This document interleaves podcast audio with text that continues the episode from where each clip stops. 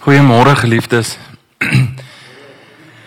Ons gaan vanoggend uit die woord van die Here lees uit Efesiërs 4 vanaf vers 17 tot vers 32.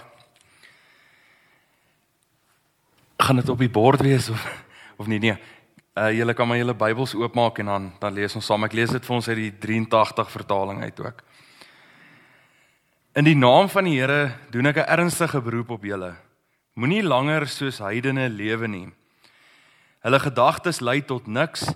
Hulle verstand is verduister en hulle het geen deel aan die lewe wat God skenk nie, omdat hulle hardnekkig in hulle onkunde volhard. Hulle het heeltemal afgestomp geraak en hulle het met 'n onversadigbare drang na alles alle losbandigheid oorgegee om al wat vuil is te doen. Maar dit is nou jy hulle Christus leer ken het nie. Julle het tog van hom gehoor en omdat julle sy volgelinge is, is julle onderrig volgens die waarheid wat in Jesus is. Hou dan op om te lewe soos julle vroeër gelewe het. Breek met die ou sondige mens in julle wat julle sondige begeertes, wat deur sondige begeertes verteer word. Julle gees en gedagtes moet nuut word. Lewe as die nuwe mens wat as die beeld van God geskep is. Lewe volkome volgens die wil van God en wees heilig. Nou dat julle die valsheid afgelê het, moet julle onder mekaar die waarheid praat. Want ons is lede van dieselfde liggaam. As julle kwaad word, moenie sondig nie en moenie 'n dag kwaad afsluit nie. Moenie die duiwel vat kans gee nie. As iemand 'n dief is, moet hy ophou steel. Hy moet deur harde werk op 'n eerbare manier self in sy lewensonderhoud voorsien dan sal hy iets hê om vir die armes te gee. Vuil taal moet daar nooit uit julle mond kom nie. Praat net wat goed en opbouend is volgens die eis van omstandighede sodat dit julle hoorders ten goeie kan kom. En moenie die Heilige Gees van God bedroef nie, want hy het julle as die eiendom van God beseël met die oog op die verlossingsdag. Moet nooit verbitterd of opvleend wees of woedend word nie. Moenie vloek of skel nie moet niks doen wat sleg is nie. Wees goedgesind en hartlik teenoor mekaar en vergewe mekaar soos God julle ook vergewe het. Ons gaan vanoggend ook dan fokus op vers 20 tot 24. Ek gaan dit net weer vir ons lees. Maar dit is nie hoe julle Christus leer ken het nie. Julle het tog van hom gehoor en omdat julle sy volgelinge is, is julle onderrig volgens die waarheid wat in Jesus is. Hou dan op om te lewe soos jy vroeër gelewe het. Breek met die ou sondige mens in julle wat deur sondige begeertes verteer word. Julle gees en gedagtes moet nuut word. Lewe as nuwe mense wat as die beeld van God geskep is. Lewe volkome volgens die wil van God en wees heilig. O geliefdes in ons Here Ek wil vanoggend begin eintlik met 'n baie ernstige vraag en dit is hoe moet 'n Christen se lewe lyk? Tog so 'n eenvoudige vraag, maar 'n vraag wat glad nie sonder diepte is nie. As iemand by die werk of by jou skool dalk na jou toe kom en vir jou vra hoe moet 'n Christen se lewe prakties lyk? Wat sal jou antwoord wees aan daai persoon? Sal jou antwoord dalk wees, weet jy, 'n Christen moet in sy gedagtes verduisterd wees. Hy moet weens sy onversadigbare drang na alles wat sleg is en totaal vervreemd van God wees. Hy moet onkundig wees. Hy moet 'n hart wat verhard het in sy binneste hê. Hy moet lieg, steel, in sy woede uitbarstings moet hy sondig optree. Hy moet lelik praat van ander mense. Hy moet die Heilige Gees van God bedroef deur sy optrede en nie in die minste omgee vir sy medemens nie. Hy moet in sy nog sondige natuur volhard en dan lewe hy sy roeping in Christus uit. Skokkend maar ongelukkig 'n realiteit in die moderne samelewing. 'n Samelewing wat moreel heeltemal verval het, waar Christene soos ongelowiges lewe. Soveel so dat sommige Christene hulle self nie eens meer Christene wil noem nie. Natuurlik is dit vir ons vanuit die woord uit duidelik dat hierdie gedrag nie by 'n Christen hoort nie. Maar die vraag is nou watter optrede is wel gepas by 'n Christen en hoe moet 'n Christen werklik lewe?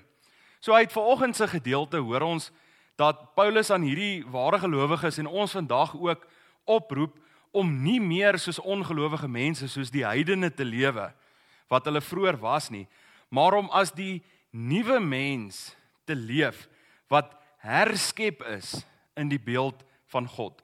So daarom is ons eerste hoofpunt vir oggend ook dat God herstel ons deur Christus na sy beeld. Paulus begin dan in vers 17 met die woorde in die naam van die Here doen ek 'n ernstige beroep op julle. Dit is 'n ernstige vermaaning wat Paulus hier aan die mense gee. En as hulle nie drasties aandag daaraan skenk nie, dan is daar ook drastiese gevolge. Paulus ervaar dan ook met hierdie woorde die argument wat hy in die begin van hoofstuk 4 begin het. Julle kan dit gerus ook gaan lees. En met hierdie woorde probeer Paulus ook nie om advies aan hierdie gelowiges te gee nie. Dit is nie 'n opsie wat op die tafel is nie. Dit is 'n vermaaning. Dit is iets waar hulle drasties moet aandag gee. Ons lees dan verder in vers 17 wat hierdie vermaaning is. Die vermaaning is moenie langer soos die heidene lewe nie. So wat Paulus in wese met hierdie woorde eintlik vir hulle sê, is so moet julle nie lewe nie. En dan gaan hy aan deur om aan die einde van vers 17 tot vers 19 verskillende redes te gee en verskillende maniere vir hierdie gelowiges uit te wys dat hoe die heidene of die ongelowiges van daardie tyd se lewe lyk. Die eerste rede wat Paulus dan gee is dat die heidene se gedagtes lei tot niks. Paulus bedoel hiermee dat hulle gedagtes leeg is. Hulle is onkundig en hulle is dwaas om nie die waarheid van God te kan begryp nie. Hulle gedagtes is niks seggend. Dit dra geen waarde nie. Dit loop uit op absoluut niks. Die tweede rede wat Paulus dan gee, is dat hulle verstand is verduisterd. En nou moet nie vir Paulus verkeerd verstaan nie. Paulus sê nie hier dat ongelowige mense dom is nie. Daar's 'n magte om ongelowige mense wat regtig geleerd is. Ons vat maar vir Stephen Hawkins en klomp mense wat regtig geleerde mense is. Maar wat Paulus hiermee bedoel is dat hulle doeteenvoudig net nie die waarheid oor God begryp nie en dit maak hulle onkundig. Dit maak hulle verduisterd in hulle verstand omdat hulle nie die waarheid oor God kan begryp nie. Die derde rede wat Paulus dan gee is dat hulle het geen deel aan die lewe wat God skenk nie. Hulle is vreemdelinge. Hulle is vervreemd van 'n lewe wat God skenk. Hulle is nie God se kinders nie en daarom het hulle ook nie die Heilige Gees wat binne in hulle werk nie.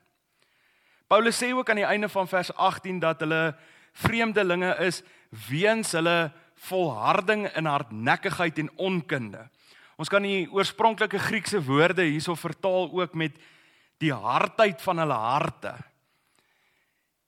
Markus gebruik ook dieselfde woorde as hy in Markus 3 vers 5 skryf dat die Fariseërs hardkoppig is teenoor Jesus.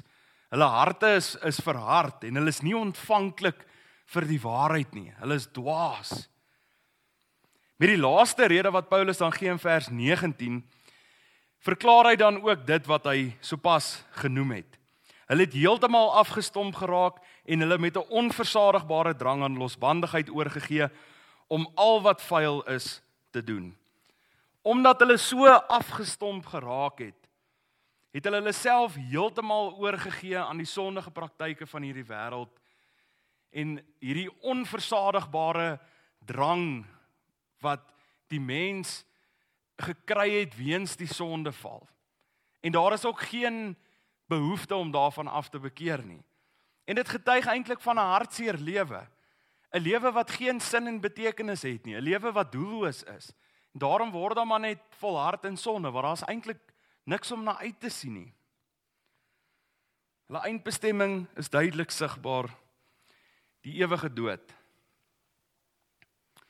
Dit is waarom Paulus hierdie gelowiges in die die gedeelte so drasties vermaan om nie soos die heidene te lewe nie, want hulle lewe is doelloos. Dis donker en dit sien na niks anders uit as die sonde nie. Maar nou kom Paulus met 'n groot teenstelling in vers 20. Hy het nou beskryf hoekom hulle nie moet lewe soos die ongelowiges nie, maar in vers 20, maar dit is nie hoe jy Christus leer ken het nie. Hierdie sin wat Paulus skryf is in die Griekse taal ook baie vreemd. En die rede daarvoor is dat die werkwoord om om te ken, om Christus te ken, daai werkwoord om te ken vat nie gewoonlik 'n persoon as die die objek nie. Met ander woorde, dit wat geleer word. So dit word in die, hierdie woord word in die algemeen gebruik om te sê dat ons het God se genade leer ken of ons het God se liefde leer ken. So genade of liefde is die objek. Maar nou skryf Paulus hierso dat julle het dis nie hoe julle Christus leer ken het nie. So hy hy gee 'n persoon hier as die objek. So Christus is die objek wat hulle geleer het. Hulle het nie Christus se genade of iets leer ken nie. Ja, dit kom saam met dit, maar hulle het Christus leer ken. Toe hierdie gelowiges aan wie Paulus ook skryf die evangelie gehoor het en hulle tot geloof gekom het en hulle ook gegroei het in 'n geloof, is dit verseker dat hulle vir Christus leer ken het. Paulus skryf dan verder in vers 21: Julle tog van hom gehoor en omdat julle sy volgelinge is, is julle onderrig volgens die waarheid wat in Jesus is. Onthou Paulus het ook omtrent 7 jaar voor die skrywe van hierdie brief, het hy vir meer as 2 jaar saam met hierdie gemeente tyd spandeer en hulle geleer. En intussen weet hy ook dat daar so ander predikante is wat gekom het en hulle kom leer het. So daar is geen twyfel daaraan dat hierdie mense in die waarheid van Christus onderrig is nie. Hulle het die waarheid ontvang. Paulus stel dus in vers 20 en vers 21 die Christelike onderrig wat hierdie gelowiges ontvang het in kontras met die gelowige se lewe wat hy in vers 9 vers 17 tot vers 19 genoem het. En daarom wys Paulus hierdie gelowiges ook ehm um, verder in ons in ons fokusverse vers 22 en vers 24 op drie belangrike sake wat hulle in Christus geleer het. In die eerste plek hou dan op om te lewe soos jy vroeër gelewe het. Breek met die ou sondige mens in julle wat deur die sondige begeertes verteer word. Paulus het hier in vers 24 soos in die die res van hierdie gedeelte ook die ehm um, uittrek en die aantrek van 'n kleed in gedagte. Dit beteken dat daar sekere kwaliteite is van die ou mens wat uitgetrek moet word, wat afgelê moet word en sekere kwaliteite van die nuwe mens wat ons in Christus is wat weer aangetrek moet word, wat aangeneem moet word. Die ou mens is verterend soos Paulus dit beskryf in in vers 17 tot vers 19. Maar hulle is in Christus nie meer die ou mens wat hulle was nie en daarom moet hulle voortdurend ook veg teen hierdie dade. Voortdurend die ou mens aflê. In die tweede plek julle gees en gedagtes moet nuut word. Die werkwoord wat hierso vir ehm um, nuut word uh wat wat Paulus vir nuut word gebruik dui ook op 'n voortdurende aksie. So dit is iets wat nie net een keer gebeur nie, dit is iets wat heeltyd moet gebeur. Dit gebeur aanhoudend. So dit is 'n 'n voortdurend, dit is ons moet voortdurend in ons gees en ons gedagtes nuut word. So die mense aan wie Paulus skryf, gee hy die opdrag: julle gees en julle gedagtes moet nuut word. Dit moet voortdurend nuut word. Paulus skryf in Romeine 12 vers 2 presies dieselfde as hy sê maar word verander deur die vernuwing van julle gemoed. En hierdie voortdurende aflê van die ou sondige mens en die vernuwing van die gees en gedagtes werk nooit los van die Heilige Gees van God nie. Dit is juis die Gees wat dit in ons bewerk en daarom kan ons dit doen. In die derde plek lewe as nuwe mense wat as die in die beeld van God geskep is. Lewe volkome volgens die wil van God en wees heilig. En dit is presies wat God oor homself in hierdie gedeelte wil openbaar. Deur Christus se dood aan die kruis het ons 'n totale nuwe mens geword. Is ons deur die Heilige Gees ook weergebore. Ons is kinders van God. God het die mens na sy beeld geskep, soos ons ook in Genesis 1 vers 26 hoor. Maar met die sondeval het hierdie beeld natuurlik gebreek. Daar daar het 'n vervalle beeld gekom. En dit is deur Christus se offer aan die kruis alleenlik wat hierdie beeld weer herstel word. Wat ons weer in die beeld van God herstel word. Dit is die effek wat Christus se kruisiging op elkeen van ons se lewens het. Geliefdes, dit is die boodskap wat Paulus van vers 17 tot vers 19 wil oordra. Dis 'n dramatiese verandering wat elkeen van ons ondergaan. Want deur die werking van die Heilige Gees gebeur hierdie goeters in ons lewens. Word ons herskep na die beeld hoe ons oorspronklik geskep is voor die sondeval. En dit moet ook natuurlik in ons lewens reflekteer. En dit bring ons by ons tweede hoofpunt vir oggend. Lewe daarom as die nuwe mens waartoe jy geroep is. Paulus gee dan nou in vers 25 tot vers 32 praktiese raad aan hierdie gelowiges aan wie hy skryf en ook natuurlik vir ons vandag. Die gelowiges het nou gehoor dat hulle nuwe mense in Christus is en dat hulle die ou mens moet aflê. En nou gee Paulus vir hulle praktiese raad oor hoe hierdie in hulle lewens ook moet reflekteer. Met ander woorde, wat beteken dit prakties om herskep te word in die beeld van God? En Paulus doen hier op 'n baie eenvoudige struktuur ook.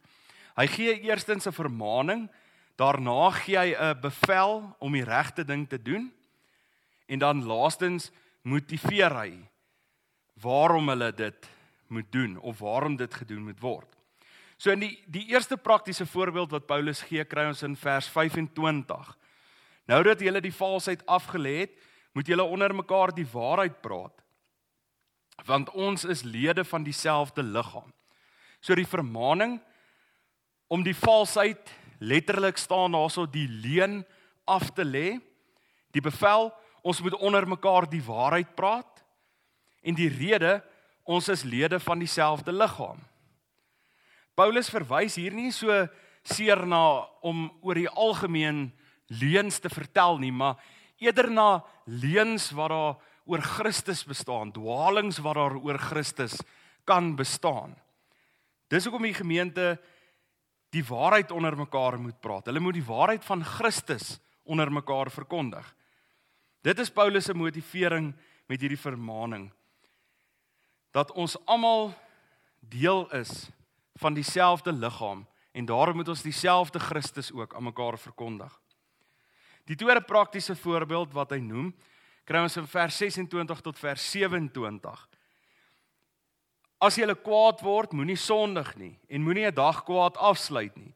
Moenie die duiwel vatkans gee nie.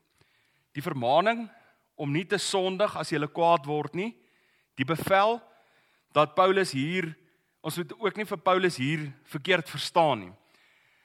Paulus verbied dit nie om kwaad te word nie en da, dis nie verkeerd om kwaad te word nie, maar Paulus sê hier dat sou jy kwaad word, moet jy nie sondig nie.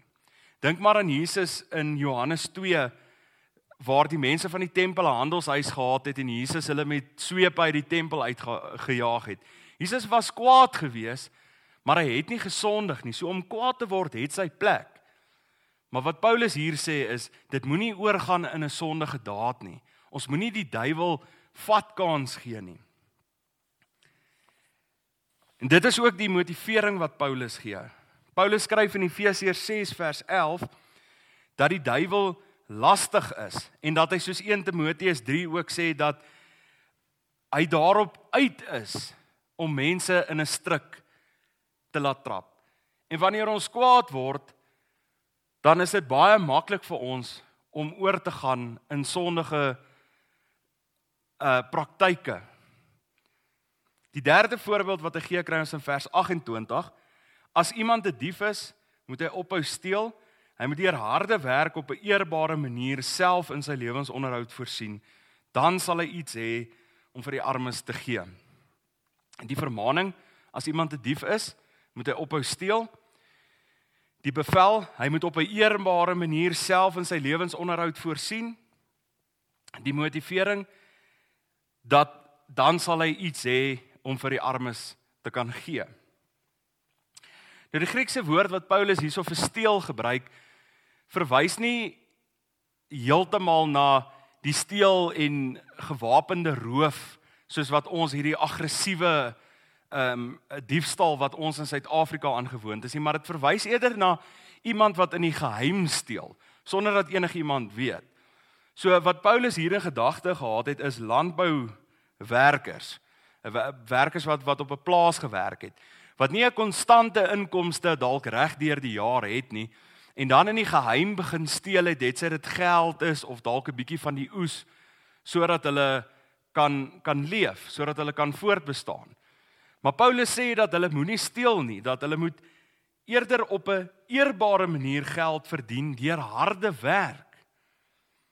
Die rede is sodat die persoon vir wie hulle werk, hierdie medegelowige vir wie hulle werk, daaruit kan put ook. En daarom sal hy ook vir hierdie persoon vir wie hy wat vir hom werk 'n salaris kan gee. En hy sal weer geld kan hê om vir die armes te gee. Gelowiges moet na mekaar omsien en mekaar help. Die vierde voorbeeld gee Paulus dan in vers 29. Vuil taal moet daar nooit uit julle mond kom nie.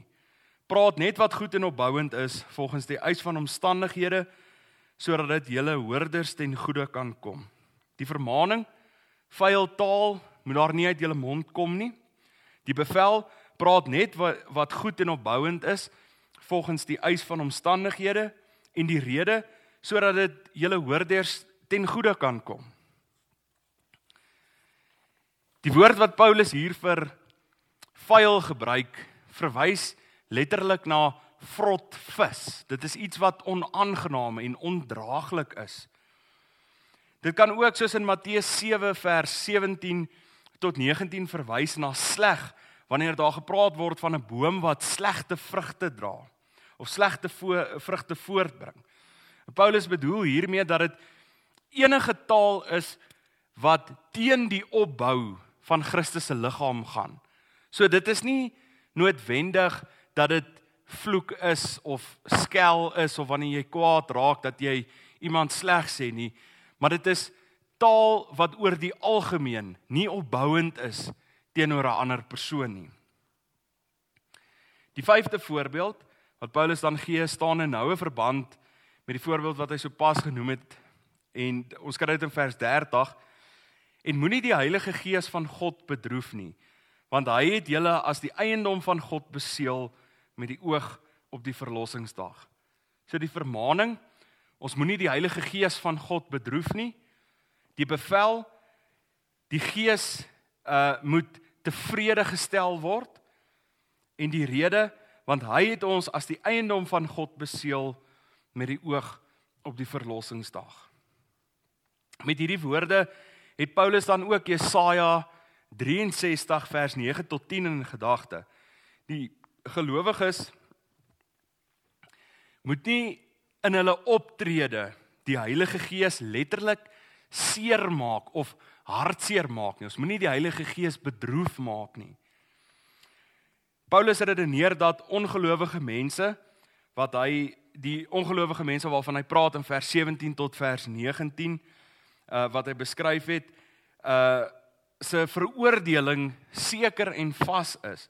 Maar so is die gelowiges se verlossing ook vas in Christus deur die Heilige Gees wat dit beseël in ons. En daarom moet ons die Heilige Gees van God nie bedroef deur opsetlik verkeerd op te tree of opsetlik te lewe teen die wil van God as ons weet dat hy die een is wat ons beseël het vir God nie. Die laaste voorbeeld kry ons dan in vers 31 en 32. Moet nooit verbitterd of opvleend wees of woedend word nie. Moenie vloek of skel nie. Moet nooit doen wat sleg is nie. Wees goedgesind en hartloos teenoor mekaar. Vergewe mekaar soos God julle ook in Christus vergewe het. Die vermaaning op nie opvleend of woedend te word nie. Daar moet nie gevloek of geskel word nie en niks sleg gedoen word nie. Die bevel om eerder goedgesind en hartlik teenoor mekaar te wees en mekaar te vergewe. En die rede daarvoor is dat God ons in Christus vergewe het. Paulus spreek hier juis ook woedeuitbarstings aan in hierdie vers. Soos wanneer 'n taxi voor jou inry en jy 'n paar woorde uiter in Frans. Woedeuitbarstings waar jy jouself nie kan beheer nie, wat jy heeltemal beheer oor jouself verloor. En dit is nie net teenoor die mense in die wêreld nie wanneer 'n taxi voor jou inry nie, maar ook binne in die kerk van God. Teenoor ons medegelowiges wat saam met ons sit ver oggend hier of wat by die huis sit. Eers as ons God se vergifnis in Christus werklik besef, sal ons ook ander mense kan vergewe vir dit wat hulle teenoor ons doen, eerder as om hierdie woede uitbarstings te hê. So geliefdes, dit dit is hoe ons lewens moet lyk. Deur Christus se dood aan die kruis koop hy elkeen van ons en kry ons daardeur 'n nuwe lewe.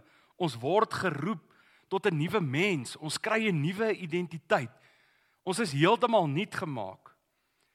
'n Nuwe lewe met nuwe gedagtes wat deur die Heilige Gees van God gelei word. En daarom is dit vir ons moontlik om die ou sondige mens af te lê. Ons kan so hard as moontlik probeer om self die ou sondige mens dood te maak. Ons gaan dit nie reg kry nie. Die enigste manier wat ons dit kan regkry is as God kom en hy verander ons hart. Hy gee ons 'n hart van vlees. Hy maak ons nuut deur Christus wat ons herskep na hoe God ons wou gehad het. En hoe meer ons groei in ons verhouding met God, hoe meer ons groei in ons verhouding met ons medemens, groei ons ook in ons heiligheid word ons al meer en meer herstel na hoe God die mens oorspronklik wou gehad het. En dit alleen is genade deur Jesus Christus. En geliefdes, daarom is dit nodig ook dat elkeen van ons vanoggend drasties selfondersoek doen. Dat ons sal bekeer van die dade van die ou sondige mens waarna ons nog vasgryp. Ons moet soos 2 Korintiërs 13 vers 5 ons leer ons lewens ondersoek of ons nog in die geloof is. Daar waar ons nog teruggryp na hierdie ou sondige mens toe, moet ons dit voor God bely en ons moet heeltemal wegdraai van dit af. Want ons is na die beeld van God geskep en daarom moet ons ook God se beeld uitstraal in 'n wêreld wat dit so nodig het. In 'n wêreld wat Christene verskriklik verskriklik sleg sê. En daarom moet ons vir onsself die vraag vra: Lewe ek as die beeld van God? Nie as ek hier is nie, want hier is dit nog maklik. Maar wanneer ek daar buite is, wanneer ek saam met my vriende in 'n kroeg sit, wanneer ek op die pad ry en daar ry 'n taxi voor my in, dit is wanneer dit tel dat ons Christus se verteenwoordigers is. God se verteenwoordigers is hier op aarde. Mag ons altyd streef na God se wil en mag die Heilige Gees ons ook daarin lei. En dit is so maklik om frustreerd te raak met die omstandighede waarin ons leef. Ons kry nie ehm um, net uitdagings in die wêreld nie, maar ook uitdagings binne in die kerk. Omstandighede af betref, aanbetref. Mag ons lewe soos kinders van God en mag ander mense Christus in ons raak sien deur ons optrede. Want God herstel ons na sy beeld. En daarom moet ons lewe as die nuwe mens waartoe ons geroep is. Amen. Kom ons bid saam. Ons God en Hemelse Vader, ons loof en dankie vir die wonderlike oggend wat ons in U naam kan vergader. U wat werklik ver oggend hier teenwoordig is deur U Gees. U wat alles geskep het. U wat alles onderhou het. Nog steeds onderhou. As ons daar buite kyk hoe dit reën nou alles weer groen raak, dan weet ons dat U is in beheer. U voorsien. U voorsien vir die natuur. Here, en hoeveel te meer sal U nie vir ons voorsien nie. U voorsien ook 'n weg vir ons vir verlossing. U gee U seun Jesus Christus. U maak ons nuut. U maak ons deel van al die grootste werke. U gee vir ons 'n nuwe identiteit. Deur Christus herskep U ons in die beeld. Herskep U ons na U hoe U ons oorspronklik wou gehad het. Here mag gee dat ons ook dit sal uitleef in ons lewens.